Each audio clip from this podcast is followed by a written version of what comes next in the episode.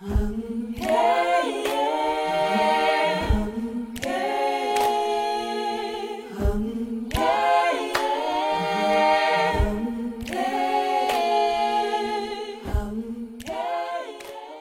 lytter til Kan Venus synge?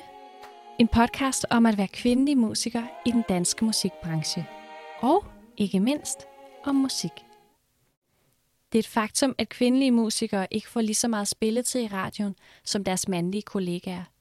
At de ikke bliver streamet i lige så høj grad. At pladeselskaberne ikke satser lige så mange penge på dem.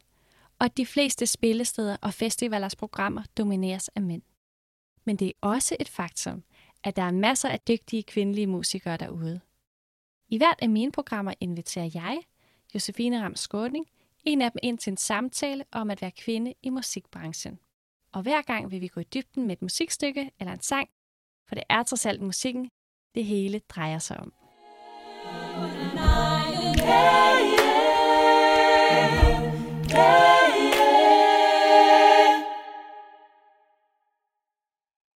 Velkommen til Kan Venus synge, og det er med mig, Josefine Ram Skåning. Og inden jeg lige præsenterer dagens gæst, så vil jeg lige fortælle, at i dag er vi i København, og jeg har lånt min venindes lejlighed. Så det er, det er jeg virkelig glad for, at vi kunne få lov til at være her. Øh, men lyden er måske lidt anderledes. Øhm, måske kan man høre metroen nogle gange. Men det kan også være, at det ikke går i mikrofonerne. Men i dag har jeg dig, Ea vi med, og du er sanger og komponist, og det er du inden for sådan den neoklassiske genre. Og dit debutalbum udkommer i dag, så Ja. tillykke med det. Mange tak. Og jeg er virkelig glad for, at du har tid til at snakke med mig i dag på sådan en stor dag. Selvfølgelig. Har du ikke uh, lyst til at fortælle lidt om dig selv og sådan din vej ind i musikken? Jo, jamen, øh, ja. Jeg hedder Ea, og øh, jeg kommer fra langt ude på landet, øh, på Sydsjælland, midt imellem Slagelse og Sorø og Næstved, øh, og voksede op på en lille gård, der lå langt ude i en skov. Ja, og der, øh, jeg, jeg gik på en, en folkeskole, hvor der sådan var relativt meget musik, og så begyndte min søster at synge i kor, og jeg var med hende op på musikskolen, og sådan så musikskolen, og så alle hendes seje venner, og de sang i kor og sådan noget, og så var jeg virkelig sådan, det vil jeg også. øhm, og så startede det ligesom derfra med, um, så kom jeg til at synge det der børnekor, og så begyndte jeg at spille guitar og sådan noget. Og så tog det ellers bare fart derfra, og ligesom bare blev stablet mere og mere ovenpå, og flere og flere ting, og jeg prøvede en hel masse ting af. Jeg spillede en masse forskellige instrumenter og genrer og sådan noget. Ja, fedt. Og hvordan kan det så være, at det endte med at være neoklassisk musik? Mm, jeg tror, det havde rigtig meget noget at gøre med, øhm, jeg kommer fra en familie, som er helt vildt historisk bevidst.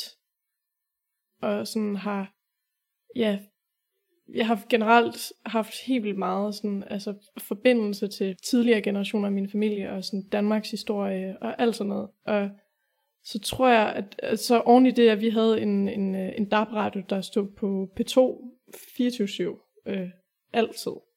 Selv når vi ikke var hjemme, så stod, var den også til og bare sådan spillede for hunden. Og sådan, hvis man ville slukke den, når man gik ud, så var min mor altså sådan, nej, lad den køre, så Axel han har noget at lytte til. Nå. ja, Axel var vores hund. Så, så jeg tror også, det, det påvirkede mig rigtig meget, og det var egentlig helt op til, at jeg gik på efterskole, at jeg meget sådan tog lidt afstand fra det, og var sådan, om sådan det der med klassisk musik, og sådan, at jeg synes, det var ret spændende og sådan noget, at, at, at det sådan, tog jeg sådan lidt afstand fra, fordi alle andre som regel synes, at det er kedeligt. Men da jeg så begyndte at skrive rigtig meget musik, da jeg gik på efterskole, og specielt øhm, for klaver, der var det ligesom bare det, kompositionerne de blev til. Og, og så oven det der med sådan, øh, med sådan hele det historiske i det, og ja, en helt anden ting er også, at i det, at mine forældre var mega interesserede i historie, og det fandt vores nabo ud af, som spillede vildt meget folkemusik, så han sådan tog mig og min søster med ind i det, og sådan noget, hvor vi så lavede sådan noget formidling af oldnordiske sange til sådan nogle middelalderfestivaler og sådan noget, hvor man dansede kædedans og alt muligt. Øhm, så endte det ligesom med at blive det musik på en eller anden måde. Ja. Altså den der blanding af at have lyttet til P2 hele tiden, og, og sådan have været med ude til de der folkemusikting, og har sunget en hel masse af de her gamle sange, og alle de historiemuseer, jeg har været på. Ja. Ja, det synes jeg lyder som en virkelig fedt hjem. Altså både det med det historiske og P2, der var kørt hele tiden, det, det lyder virkelig nice. Nu er du jo så nået dertil i din rejse, hvis man kan sige det sådan, at, øh, at du udgiver album i dag. Og du har selv, altså du skriver selv partitur og mixer og producerer. Hvordan kan det være? Det, det er ikke så tit, at klassiske musikere også producerer og mixer, af min fornemmelse i hvert fald. Jeg tror også, det har meget noget at gøre med, at jeg sådan, altså jeg vil ikke rigtig betegne mig selv som en, en klassisk musiker, fordi jeg ikke har altså haft det der med, at jeg har ikke spillet et eller andet instrument, siden jeg var fem, og er sådan helt vildt god til det. Og så tror jeg også, det, det har rigtig meget noget at gøre med, øh, øh, det har vi så ikke været inde på endnu, øh, men en, en meget sådan stor keypunkt, eller vendepunkt i mit liv, var, øh, øh, at min mor blev syg og fik kræft i hjernen, og det var specielt efter det, der blev jeg sådan helt vildt meget øh, kontrolfreak, specielt omkring at skrive musik og sådan noget, fordi det var der, jeg var sådan målrettet omkring, jeg vil gerne være musiker, og, og det var ligesom et aspekt af mit liv, jeg selv kunne have kontrol over. Så derfor så blev jeg også helt vildt meget sådan, altså, jo mere jeg ligesom selv kunne kontrollere den proces, jo bedre havde jeg med det, og det blev også meget sådan terapeutisk at sidde kun med alle de der ting selv, og bearbejde dem selv og sådan noget. Og så havde det også rigtig meget noget at gøre med, at specielt inden for produktion, der de mennesker, jeg prøvede at arbejde sammen med, øhm, fangede ligesom ikke, hvad det var, jeg ville. Så jeg indså ligesom, hvis jeg ville have det på den måde, som jeg gerne selv ville have det på, så var jeg nødt til selv at lære at gøre det. Ja. Ja. Dit musikalske udtryk er også altså ret specielt. Det er meget anderledes, end hvad jeg ellers har hørt. Så jeg kan måske godt forestille mig, at det har været svært at forklare, hvad det var, du gerne ville frem til. Fordi det, det er så særligt. Nu har jeg jo været inde og læst lidt om dig, inden vi skulle mødes i dag. øhm, og noget af det, som øh, står i sådan dit pressemateriale, det er også, at du er meget bevidst om køn i forhold til dit kunstneriske arbejde. Det synes jeg er interessant. Har du ikke lyst til at fortælle lidt om det? Jo, jeg tror, det har, altså det der med, hver eneste gang du ser en koncert, eller sådan, ikke hver eneste gang, men det er bare så tit, når man, altså med, med de koncerter, jeg har set, da jeg, da jeg sådan voksede op, og første gang jeg er på Roskilde og alt sådan noget, altså hvor få kvinder, der generelt var. Og de kvinder, der var der, de var sangere. Og det var ligesom det. Altså, det blev bare så vigtigt for mig, sådan specielt det der med, når man begynder at skrive sin egen musik, og man er til alle de der musikskoleting, der har med sådan noget at gøre, at så er der sådan nogle bands, der skriver musik, og sådan, de bands er altid sådan en øh, guitar, bass, trommer, som er nogle gutter, der sidder og spiller det pisse fedt, og så er der en pige, der er sanger. Og det er bare sådan den mest standard konstellation i Danmark, vil jeg næsten sige. Yeah. altså, yeah. Øhm, og det var bare specielt, efter jeg bare havde set det 40.000 gange, at jeg var sådan, der må simpelthen være noget andet her i livet. det var virkelig også derfor, det bare blev virkelig vigtigt for mig at have et band, der bestod af kvinder, eller et ensemble, eller hvad, hvad man nu vil kalde det, når det er stryger. Mm. Og Anton Hedvang, som jeg så har haft med i mange af de musikvideoer, der er kommet ud, og har tidligere været med i min musikdramatiske forestilling, Når initielt sande menneske, der var det også meget vigtigt for mig, at den person, der var danser, som altid, næsten altid er en kvinde, var en mand. Og ligesom få byttet de her stereotyper sådan rundt. Ja. Det var ja, meget vigtigt for mig. Ja, altså det kan jeg godt forstå. Og jeg synes også, øh, altså med dig selv, du er jo også, hvad man sige, en, jeg skulle til at sige en omvendt stereotyp, men sådan, der er jo ikke, øh, vi er ikke så vant til at se kvindelige komponister, eller kvinder, der producerer og mixer. Ja, som du siger, fordi de fleste kvinder i musikken synger. Så på den måde bliver du jo også et billede på, at det kan man altså også godt. Man behøver ikke være mand for, for at være komponist, for mm. eksempel. Mm. Nu er jeg ikke sådan selv så velbevandret inden for sådan neoklassisk musik. Så på den måde har jeg ikke så meget fornemmelse af, hvordan scenen ser ud der. Men det kan du måske fortælle lidt om. Er der også meget altså primært mandlige repræsentanter der? Altså, der er en overvægt af mænd, men jeg vil ikke sige, at det er fuldstændig domineret af mænd. Jeg tror, jeg vil sige, at det måske er sådan, øh, altså 60% mænd, 30% kvinder-agtigt. Måske, måske lidt flere mænd, jeg ved det ikke. Det er nok deromkring. Men det er også svært at vide, fordi hvad kan man sige, jeg ser det fra mit eget perspektiv, og jeg spejler mig mere i kvinderne inden for neoklassisk. Så derfor er jeg også meget bevidst omkring dem, der er der. Ja. Og de fylder meget for mig ind i mit hoved. Mm. Øhm, men jeg tror, det er det omkring. Der er, der er nogle, nogle stærke kvindelige komponister inden for neoklassisk. Det, det er virkelig fedt, men ikke så mange i Danmark. så. Nej. Jeg var inde og kigge lidt på repertoire-statistik mm. øh, for klassiske ensembler i Danmark og orkestre. For der er nemlig lavet nogle statistikker, både nogle, der blev offentliggjort i 2018, og nogle her i 2020. Og der ser det jo helt skævt ud. Altså, der er jo forsvindende få kvinder. Jeg tror, det var sådan 4,5 procent af musikken, der ligesom var skrevet af kvinder, som bliver spillet. Men inden for sådan ny musik, eller musik, der er skrevet inden for de sidste 30 år, der ser det alligevel bedre ud. Hvilket giver god mening, fordi at det er blevet lettere for kvinder at udgive musik, og, og rent faktisk arbejde som komponister. Men det var bare sådan lidt for at få sådan et billede af, hvordan det ser ud i klassisk musik, eller inden for klassisk musik, fordi jeg ikke lige kunne finde nogle tal på sådan komponister delt op i køn af. Spændende. Det er også det, jeg synes, der er så svært inden for den mere sådan, altså, hvad kan man kalde det, traditionel klassisk musik, fordi den neoklassiske krydser jo lidt mere over i sådan noget, altså hvad kan man sige, sådan en tilgang til det som popmusik på den måde, du, du fremfører det på. Tit er det komponisten selv, der fremfører. Mens mere inden for den traditionelle klassiske musik, som nogen ville kalde western art music, ja, altså det er det der med, at der er kommet kvinder sådan de sidste 30 år, men før det, altså der har været så lidt repræsentation, og det der med, det er så traditionelt. Det handler så meget om konservering og så meget om repertoire, standard repertoire, og det, det der, man kalder ja, den klassiske kanon. De der udvalgte klassiske stykker, som man bliver ved med at opføre, og man nok kommer til at blive ved med at opføre igen, altså 100 år frem for nu. Ja, hvor der bare generelt er sindssygt et fornyelse. Men, men ja, det er som om, at kvinderne vinder mere og mere frem der inden for den moderne klassiske western art music.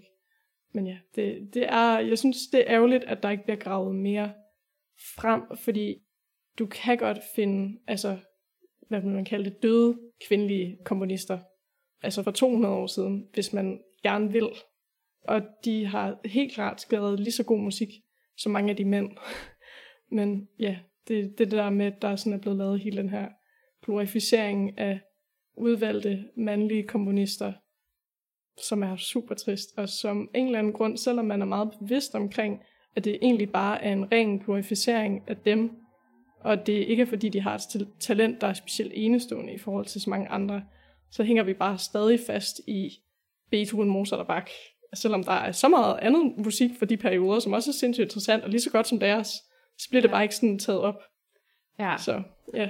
Det er rigtigt, det, det er virkelig interessant, det du siger, og og du har jo ret i, at der har også været kvindelige komponister, Alma Mahler eller Fanny Mendelssohn, som også er nogle af de mest kendte i dag, men som de har været der. Men der er selvfølgelig rigtig mange grunde til, at vi kan høre dem så tit i dag, øh, fordi de kvinder havde jo ikke de samme muligheder for at udgive og for at få sine værker spillet offentligt på grund af den indstilling, der var til kvinder, om at de ligesom hørte til i hjemmet, og ikke skulle, skulle blande sig sådan i offentlige mm. anlægner. Øhm, men de er der faktisk, så man kunne godt gøre mere for at grave dem frem.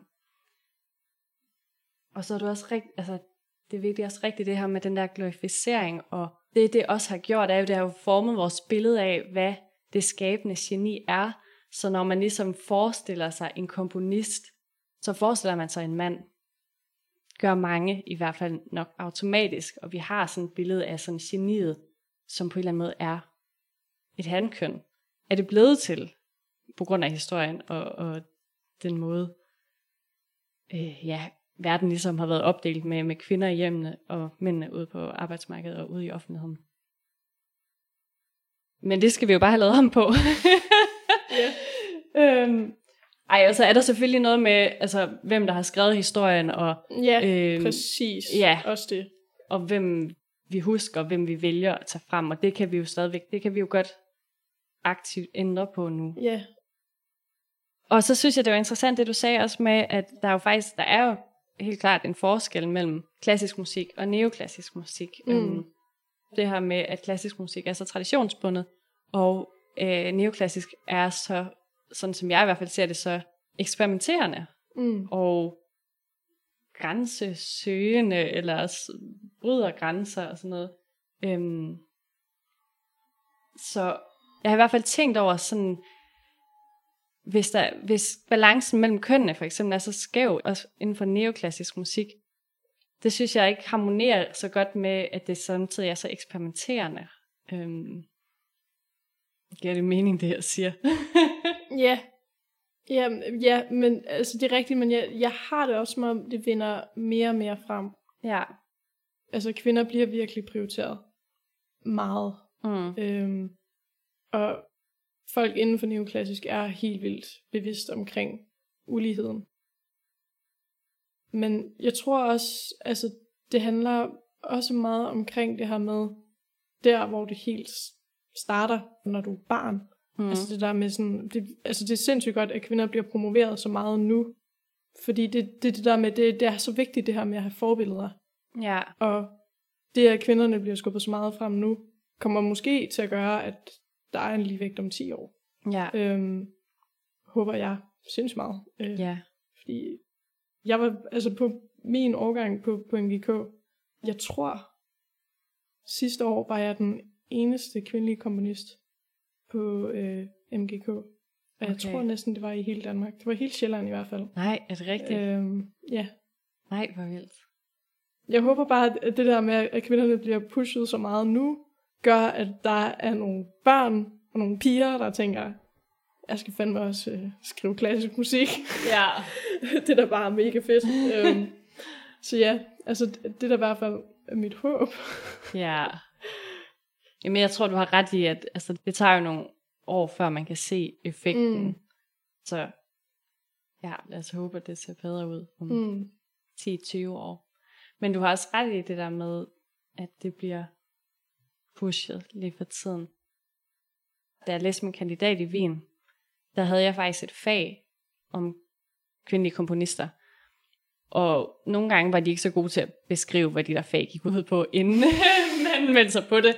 Men det var faktisk ret fedt. Det handler så kun om nutidige komponister, og så var der faktisk en gæst inde hver gang, Ej, øh, en kvindelig komponist. Og det var jo også altså neoklassisk langt det meste, vi, øh, vi blev præsenteret for. Og det var virkelig fedt at få lov at høre alt det helt vildt forskellige og fantasifulde musik, der, der blev komponeret.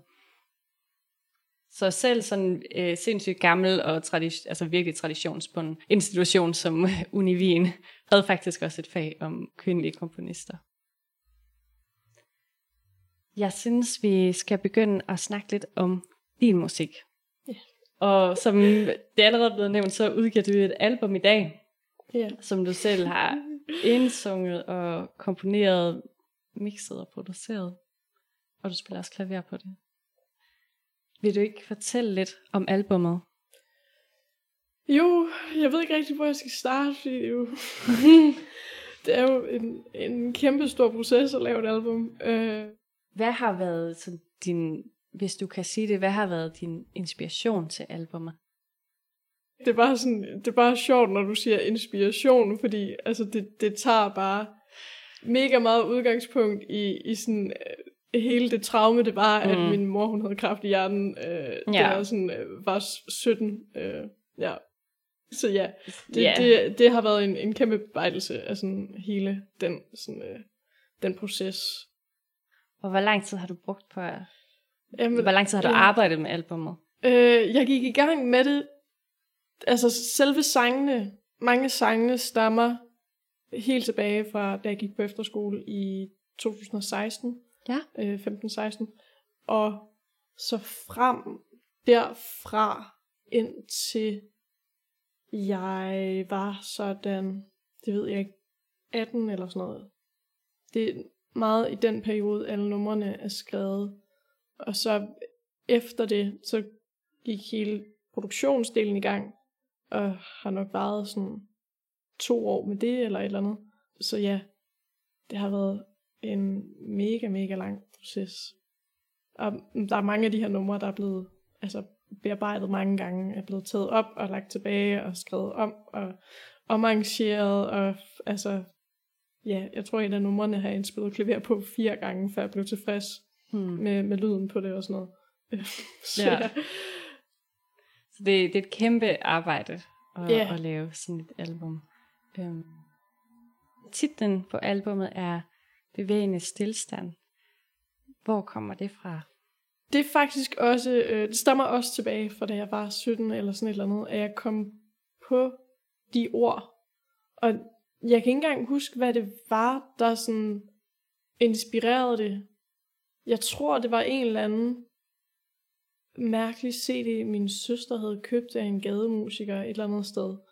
Og hvor der var nogle ord, som måske mindede lidt om, men jeg kan i hvert fald bare huske, at jeg kom på den titel i sådan, øh, mig og min søster, vi delte værelse, øh, hvor jeg ligesom var der, og at det var at det her år efter, jeg havde været på efterskole, der tog jeg et sabbatår, hvor jeg bare arbejdede og sparede op til at kunne flytte til København og, og købte en masse gear til at selv at kunne indspille.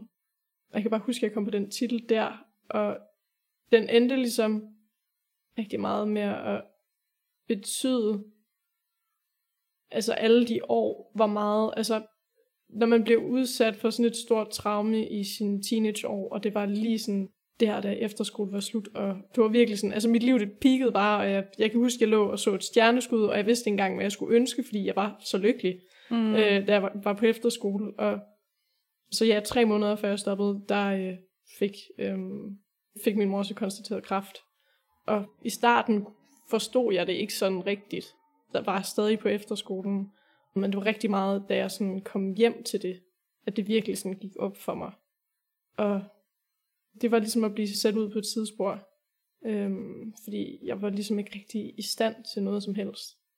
Fordi det eneste, der fyldte ind i mit hoved, var bare sådan det her med sådan, min mor har kraft-agtigt. Ja. Øhm, og det var bare altså så mange års stillstand.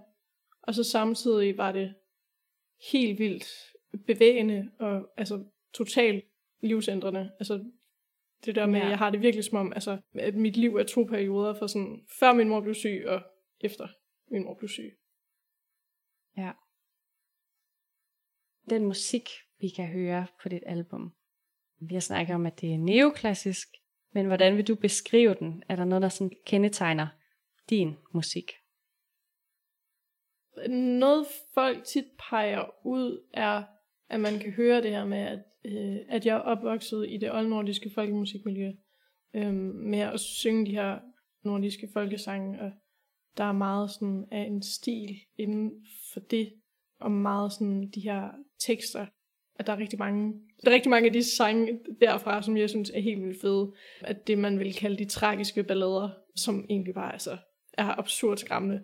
Min mor, hun beskriver dem meget som øhm, det her med, at dengang havde man ikke gyserfilm, der havde man de tragiske ballader. øh, Fordi det virkelig er sådan noget... Hvis man har set filmen øh, Midsommer, så, så tror jeg, det, det er der, vi er. Ja. Altså, det, det er den film i sangen. Okay, Ja. fedt. og, øh, og med det som øh, vil sige, indledning, så synes jeg, at vi skal høre en af dine sange, og den hedder Moderstilhed.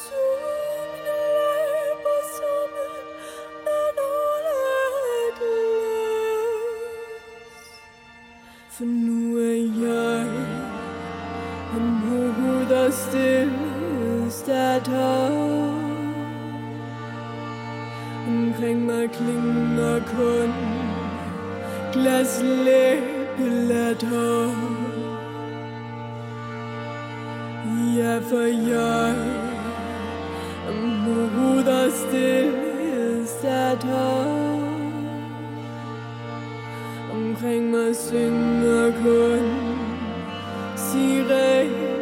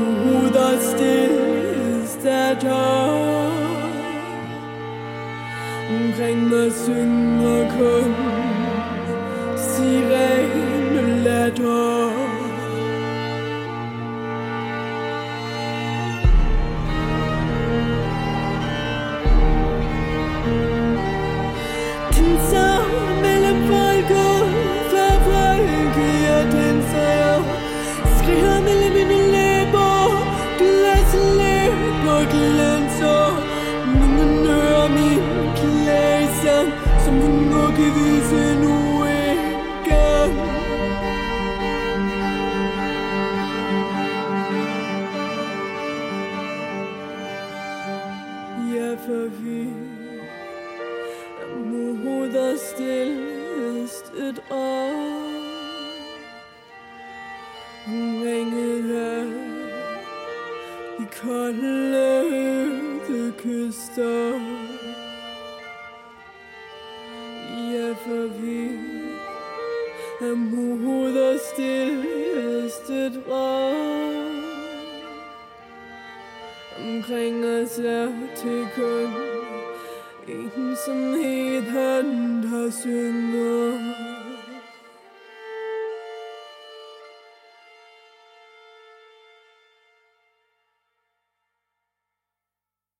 Det var Moder Stilhed af og med Ervin.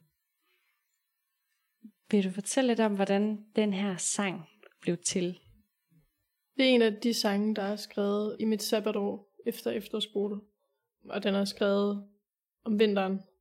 Så det må have været vinteren af 2017, hvor min mor var meget syg af kemo og øhm, havde været indlagt på hospitalet, fordi hun var blevet så dårlig af det.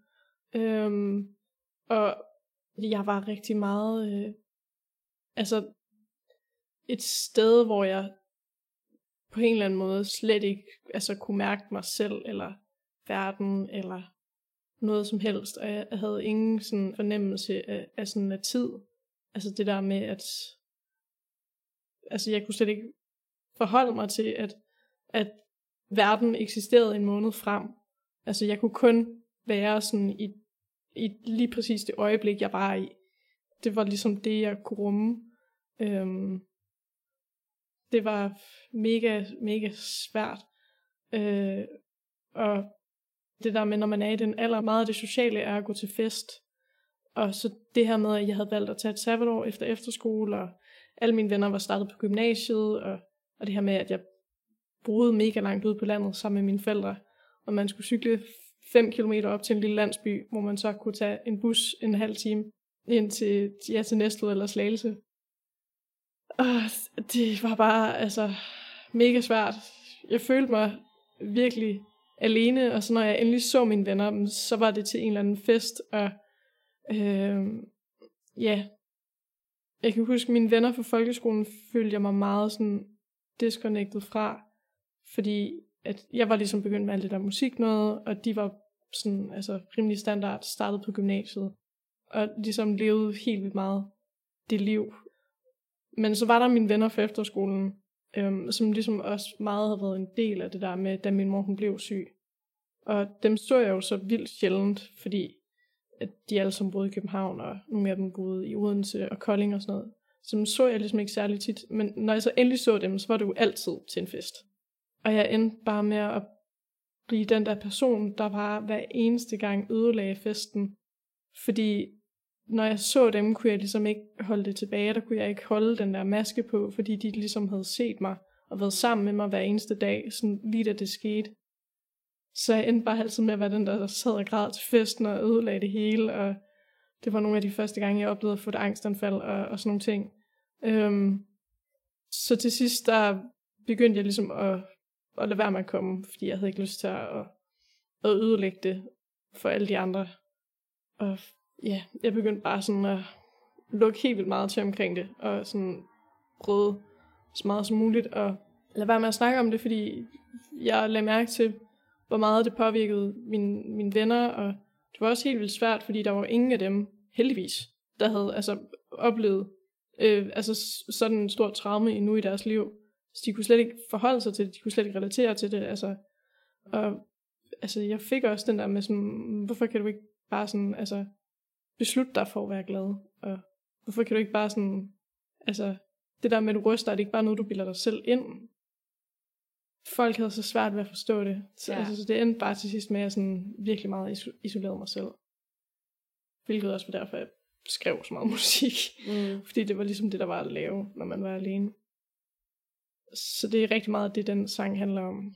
Hvordan, ja, at det var som om, der bare kom mod og stillhed om natten og sød min læber sammen, så jeg slet ikke var i stand til at, at tale om sådan alle de hårde ting mere.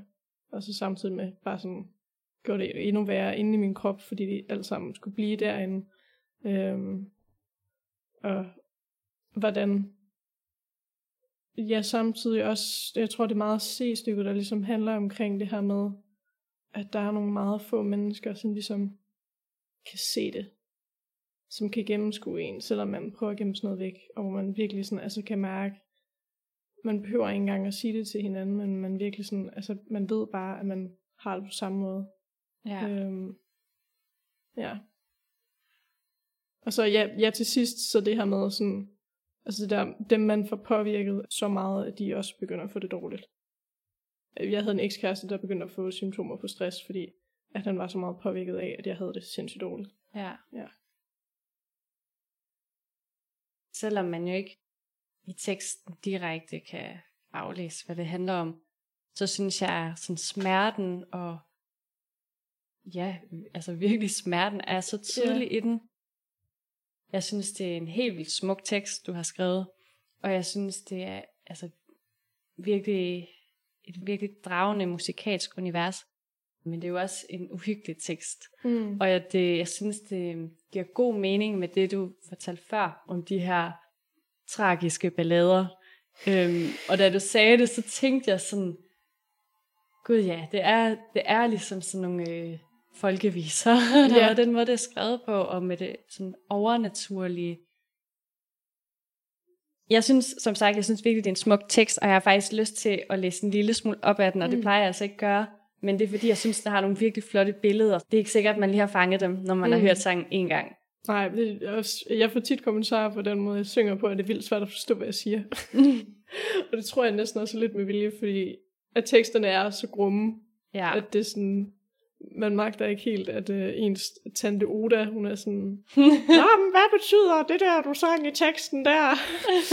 øh, så ja. Nej, det kan jeg godt forstå. Men nu læser jeg så lige lidt op, sådan, så folk får det med. Dem, der lytter med i hvert fald. Hun syede mine læber sammen med nåle af glas. Nu er jeg moder stillhedsdatter. Om mig klinger kun glaslæbelatter. Og længere ned i andet vers. Hun splindrede min sjæl i tusind stykker. Nu bærer hun den som sine ædleste smykker. Og det var bare sådan lige for at komme med nogle eksempler fra sangen, fordi jeg synes virkelig, det er... Jeg forstår slet ikke, hvordan du har kunne skrive det. der er jo, øh, hvad kan man sige, der er et ret klart handlingsforløb i sangen, hvilket der jo ikke nødvendigvis er i alle sange. Det kan godt mere være en, en tilstand. Men jeg synes netop i, i versene bliver det meget en fortælling. Mm. Og så i omkvædene måske mere en form for konklusion, eller sådan, nu er det sådan, det er, nu, Mm. nu er jeg moder stillhedsdatter. Og jeg tænkte virkelig over det her med glaslæbelatter og sirenelatter, at det lød som, øh, som en tilstand, der gjorde ondt, eller sådan, mm. det var, det må gøre ondt at være i verden på den måde, mm. eller sådan, samtidig med din smuk tekst, så er det også virkelig en ubehagelig tekst. Ja, ja, ja. Og så synes jeg også, der var noget eventyrligt over det. Og jeg ved ikke, om det er fordi det her med, i mange eventyr, der er, der, er der jo en ond stedmor. Mm. Og så tror jeg, jeg kom til at tænke lidt på det med sådan moder stillhed og Ja. den onde stedmor. Og sådan. Men jeg tror også, det har været meget det billede, også specielt med eventyr. Det er hos Andersen, hvad er det, der hedder det med hende moren, hvis barn dør. Hedder det Ja. ja. fortælling om en mor, eller historien Ja, om sådan en et mor? eller andet. Jeg føler også, sådan det et hedder noget med, med? Om en moder. Den havde min mormor oplæst på LP. Det kan jeg også huske, det var bare altså noget, der virkelig påvirkede mig meget. Sådan, at det var virkelig en god fortæller, og det var virkelig sådan inderligt og hjerteskærende. Den her historie om, om moren, der blev snydt af alle de her øh, ja, besjælede ting og sager. ja. Ja. Hvis vi ser lidt på sådan selve arrangementet, vil du ikke lige fortælle, hvilke instrumenter der er med? Jo. Hovedsageligt så er det stryger.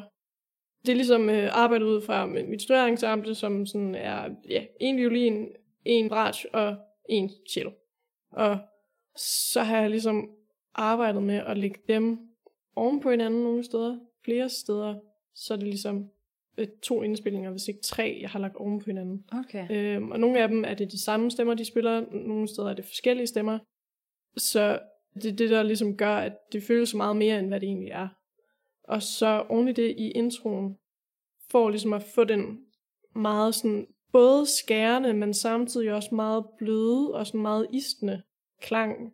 Der, ligger der øhm, akustisk guitar, der er spillet, eller sådan stemt i en open tuning med bue, hvor jeg spiller okay. flageoletter. Og så ligger der også, øh, det er et, et plugin, der hedder Unacorda, øhm, som er sådan et specielt bygget klaver af en gut, der hedder, jeg mener han hedder Clavins, jeg er ikke sikker på, om jeg siger hans navn rigtigt, Mm. som er en klaverbygger, øhm, som er meget famous inden for neoklassisk, fordi han har bygget det her øh, specielle filtede klaver sammen med Niels Farm, som øhm, øhm, kun har én streng i stedet for tre. Så det har en ret unik lyd. Og der har jeg så plug-in versionen af den, og den har sådan en, en pad, som sådan lyder lidt ligesom... Øh, jeg kan ikke huske, hvad det hedder. Det er den her ting, øh, som er lavet af glas, som snor rundt, hvor man så spiller med vand på den. Det lyder lidt ligesom den. Den er også øh, lagt ind over. Ja. Og når vi siger plug-ins og sådan noget, så er det, så er det sådan, at man kan sætte til lyden i, på computeren. Ja, Ja. Og du nævnte, du spillede flageoletter. Vil du Mm. lige forklare kort, hvad det er? Øh, hvordan delen forklarer man, hvad en flageolet er? Øh, en flageolet er en overtone. øh, men det er også bare sådan et pseudo-ord. Ja. Øh, det er sådan en meget høj, lys lyd, som kommer, når man korter en streng af, så den er kortere og vibrerer dobbelt så meget, som den ellers vil. Ja. Jeg sad også, da jeg sådan, og skulle forberede det her, og kunne ikke rigtig finde ud af, hvad det var, der foregik i introen. og jeg prøvede sådan at lytte af på mit klaver, og sådan, der er nogle af de her toner. Men det er som om, jeg rammer det hele. Det er også fordi, det er en lille smule... Det hele stemmer ikke sådan helt vildt godt sammen. Mm. Mm-mm. Så jeg tror også, det der gør, at det er sådan, det er sådan lidt, okay, hvad er det egentlig, der sker her? Ja, og det netop også bliver sådan lidt skingert. Ja, Ja.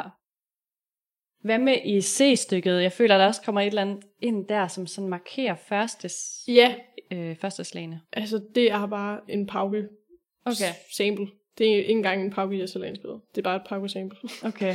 som ligesom markerer slagene. Som, øhm, det tror jeg var en af de sidste ting, der kom på. Det var min kæreste, som var sådan, kunne det ikke være mega fedt, hvis det var der? Ja, Ja, og det kunne det. det fungerede sindssygt godt. Ja. Ja. Altså, jeg har lidt sådan en øh, følelse af, eller fornemmelse af, at musikken ligesom danner sådan en form for tæppe, eller sådan øh, en dyne, som din stemme ligesom så ligger ovenpå. Mm. Fordi det er jo meget din stemme, og, og jeg har også lyst til at sige fortælling, selvom det måske kan være svært Mm. at høre, hvad du synger nogle gange, men det er jo det, der sådan er i fokus. Mm. Og dit vokale udtryk er jo også ret specielt. Har du ikke lyst til at fortælle lidt om, hvordan du bruger din stemme? Jo, det er fandme svært at at fortælle om. I den her sang i hvert fald veksler du meget mellem mm. Mm. en øh, lys, sådan spinkel klang, som på en eller anden måde, også, jeg synes, jeg passer meget godt med det her med glas, og, mm. Mm. og, og det sådan skingre, hvis man kan sige det sådan. Ikke at Mm. din stemme er det, men ja. Og så en meget mere fyldig og dyb, altså i, i dybere toneleje. Mm. Der er en meget klar forskel i, hvordan du bruger din stemme. Mm. Altså, tit når man går til sangundervisning, så man skal lære forskellige teknikker, men, øhm, men også meget sådan noget med at skjule overgangen mellem fuldregister og, og randregister, altså Mm. fuldregister nede i det dybe og rand op i det højere, og hvordan man ligesom kan få det til at minde om hinanden, Mm. hvor øh, det gør du i hvert fald ikke her. Der er der en klar forskel på, Mm. nu er vi nede i det her register, nu er vi oppe i et andet register. Hvordan fandt du sådan frem til, til din stemme, hvis man kan sige det sådan, til dit vokale udtryk? Jeg ved ikke, om det er noget, du har arbejdet meget med, eller om det bare er kommet mere intuitivt. Jeg tror, det, altså det, det er sindssygt svært at sætte ord på, fordi det er ikke noget, jeg sådan har fået undervisning i, så jeg har ikke rigtig sådan noget ordforråd omkring det. Altså, jeg fik sangundervisning, da jeg gik i folkeskole, og så efter det, så var det ligesom ren sangskrivning og komposition, det sådan handlede om. Så det var ligesom det eneste, jeg fik undervisning i. Jeg fik slet ikke noget sangundervisning mere. Og det er meget sådan efter det, at, at selve min vokal sådan blev etableret, men jeg ved ikke, altså selve i den her sang var der også rigtig meget, at jeg ville gerne lave en kæmpe stor kontrast mellem vers og omkvæd. Og jeg kan huske, det var specielt efter, øh, jeg havde noget sangskrivningsundervisning, hvor at øh, Let It Happen by Tim Impala øh, blev analyseret, og hvor der er det her omkvæd, som går ned.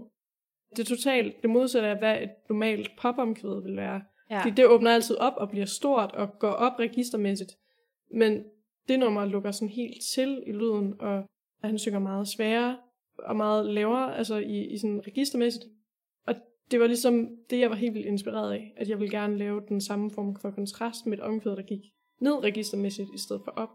Så det- var ligesom meget det, der kom til at fylde, og så tror jeg, at selve det med klangen, det blev så ligesom sådan, det blev, fordi der var så stor kontrast, altså de to register var så langt fra hinanden. Ja, Mm.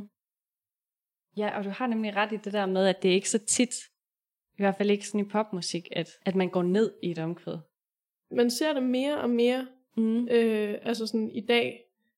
Jeg har det som om, at øh, sådan noget, øh, øh, kan det, altså sådan noget øh, poprock for nullerne, Mm. det har lidt sådan et, et, øh, et rise lige nu. Ja, det Øh, har jeg også det- det, tænkt over. Ja, ja, men det har virkelig sådan, altså det er det, der drager inspiration lige nu, sådan inden for popmusik.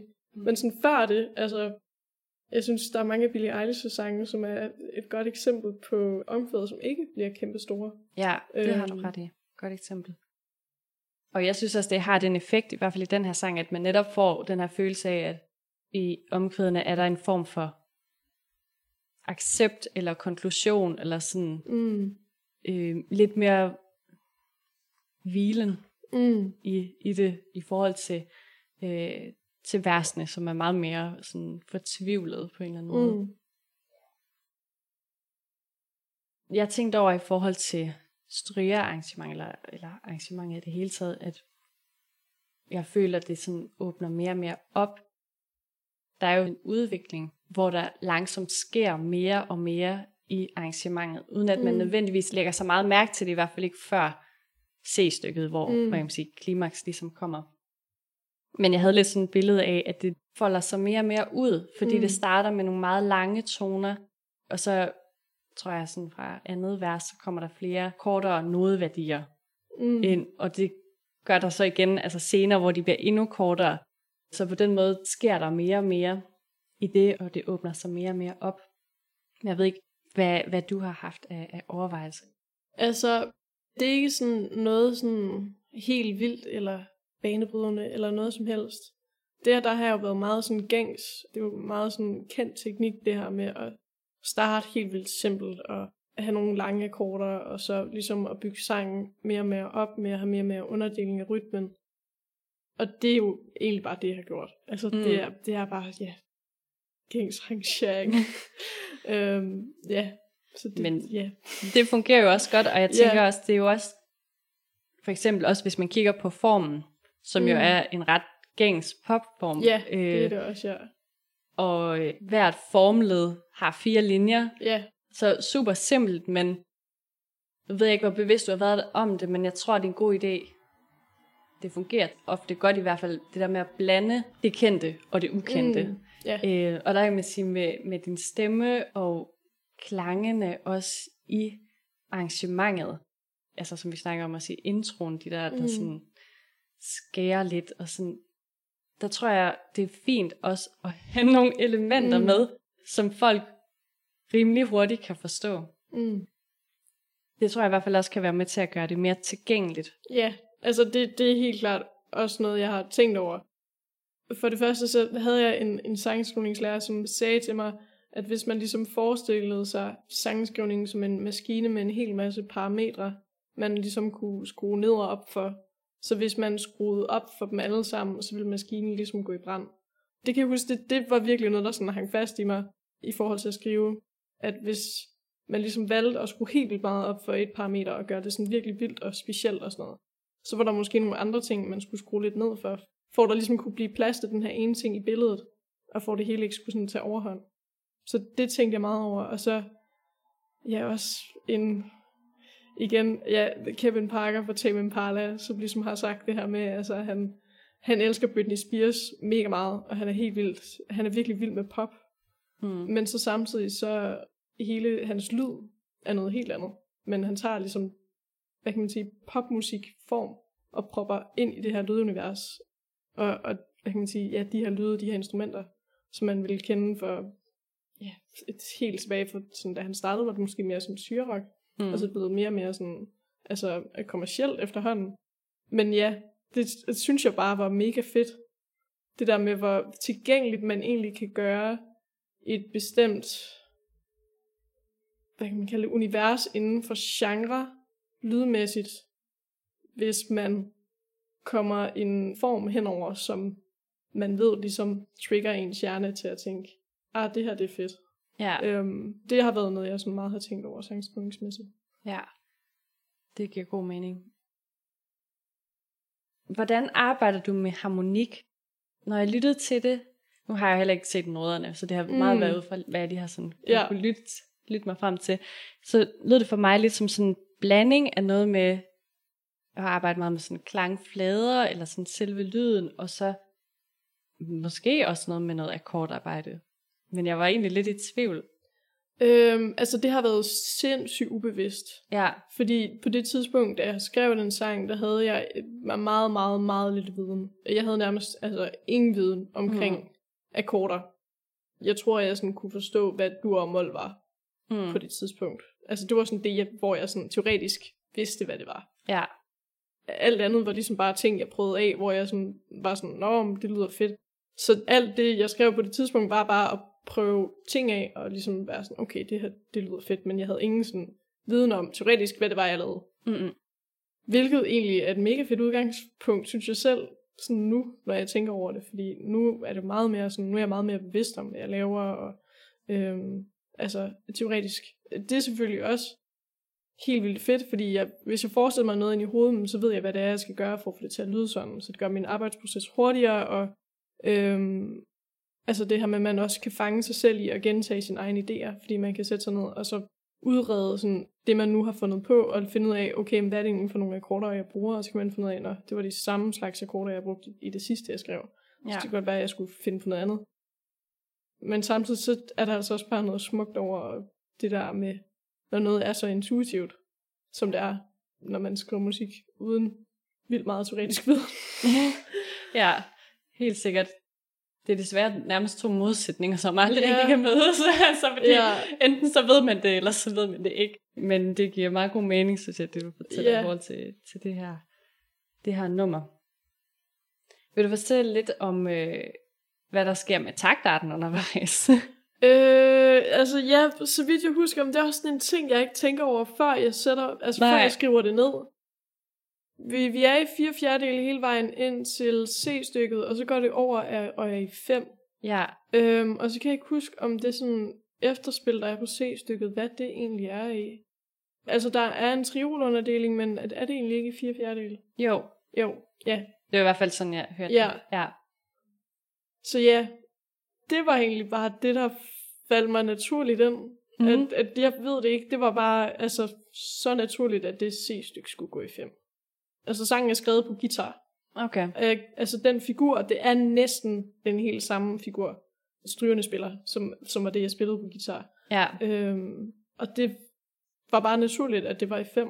Mm. Ja. Var det sådan, at du ikke nærmest opdagede, at du skiftede taktart? Eller Det, var... nej, men det gjorde jeg ikke. Okay. Det, det gør jeg virkelig tit ikke. Det, altså nu lægger jeg mere mærke til Ja. det nu, fordi jeg er blevet så bevidst omkring det her, når jeg har skrevet det ned, og så var jeg sådan, åh, nu skiftede taktart der. altså jeg har gjort det mange, med mange forskellige sange. Okay, det er Ja. fedt. Fordi, man kan sige, de gængse takter, der er sådan 4 fjerdedel og 6 8 del og sådan noget, det tænker jeg ikke sådan over. Men hvis jeg vil over os og lave noget i 5, så skal jeg sådan lige tænke, okay, 5, hvordan er det nu, det går? Ja. Sådan. Det jeg også synes er fedt, det er, at det nemlig er så naturligt. Altså, fordi det var ikke noget, jeg tænkte over de første mm. gange, jeg, hvor jeg bare sådan lyttede til sangen. Så det virker helt vildt naturligt, og jeg tænker, det der med skæve taktarter, kan tit være noget, som man tænker sådan, åh, oh, det er noget svært, det er sådan Mm. kompliceret musik. Mm. Men det behøver det ikke være, altså det kan godt lyde virkelig naturligt. Og det synes jeg, det synes jeg nemlig er fedt, og jeg synes også godt, man må udfordre lytterne til at høre andet end fire fjerdedel, Mm. mm. som er det, det meste moderne vestlige musik, altså sådan popmusik og sådan noget, går i. Så det synes jeg bare, det skal der bare være mere af. ja, det Ja. fedt. Jeg har også lidt en fornemmelse af, når jeg hører sangen, at tempoet skifter lidt undervejs. At det sådan går langsommere i starten, og så senere måske. Ja, jeg vokser. tror, at øh, hele sangen er indspillet med klik, altså til metronom, Okay. øh, ind til... Jeg tror også, C-stykket er med metronom. Ja. Og så tror jeg, at øh, vi vil have, hvad er det, det hedder? Jeg kan ikke huske det fancy italienske ord for at gå ned i tempo. øhm, men øhm, den modsatte er accelerando. At, at det kommer efter C-stykket. Der slog Ja. ja. vi den fra, fordi det ligesom var meget, meget naturligt at gå ned i tempo der. Ja. Øhm, ja, i, i det sidste omkvæd. Ja. Det er også tit noget, man gør hen mod slutningen, som går lidt ned i, mm. i tempo. Er der noget, du gerne vil tilføje til det, vi har snakket om? Vi har været meget godt rundt omkring det hele, synes jeg. Ja. Ja. Så øh, vil jeg bare sige tusind tak, fordi du havde lyst til at være med. Jamen, øh, mange tak for invitationen. Det var så lidt. Hvis man øh, gerne vil følge lidt med i, hvad du laver og i din musik og sådan noget, hvor kan man så gøre det? Det, altså det kan man både på Instagram og Facebook, og jeg har også et nyhedsbrev, hvis man foretrækker det. Og jeg er også på TikTok, hvis man øh, er så fremme i skoene. Der er lidt for alle generationer. ja, det der er faktisk for alle generationer. Ja. Og jeg sender dog ikke fysisk post, men altså, det er også det. Det var, det var alt for i dag. Så er der vist bare tilbage og så sige tak til jer, der har lyttet med og har givet jer kast med endnu et afsnit af Kan Venus synge. Jeg hedder stadig Josefine Rams Skåning, og det er mig, der tilrettelægger, klipper og producerer podcasten. Ditte Dupont har komponeret introen, som er sunget af Luna Vocals, og Christian Fodalsker Jensen har lavet den flotte grafik. Ha' det rigtig godt derude, og vi lyttes ved.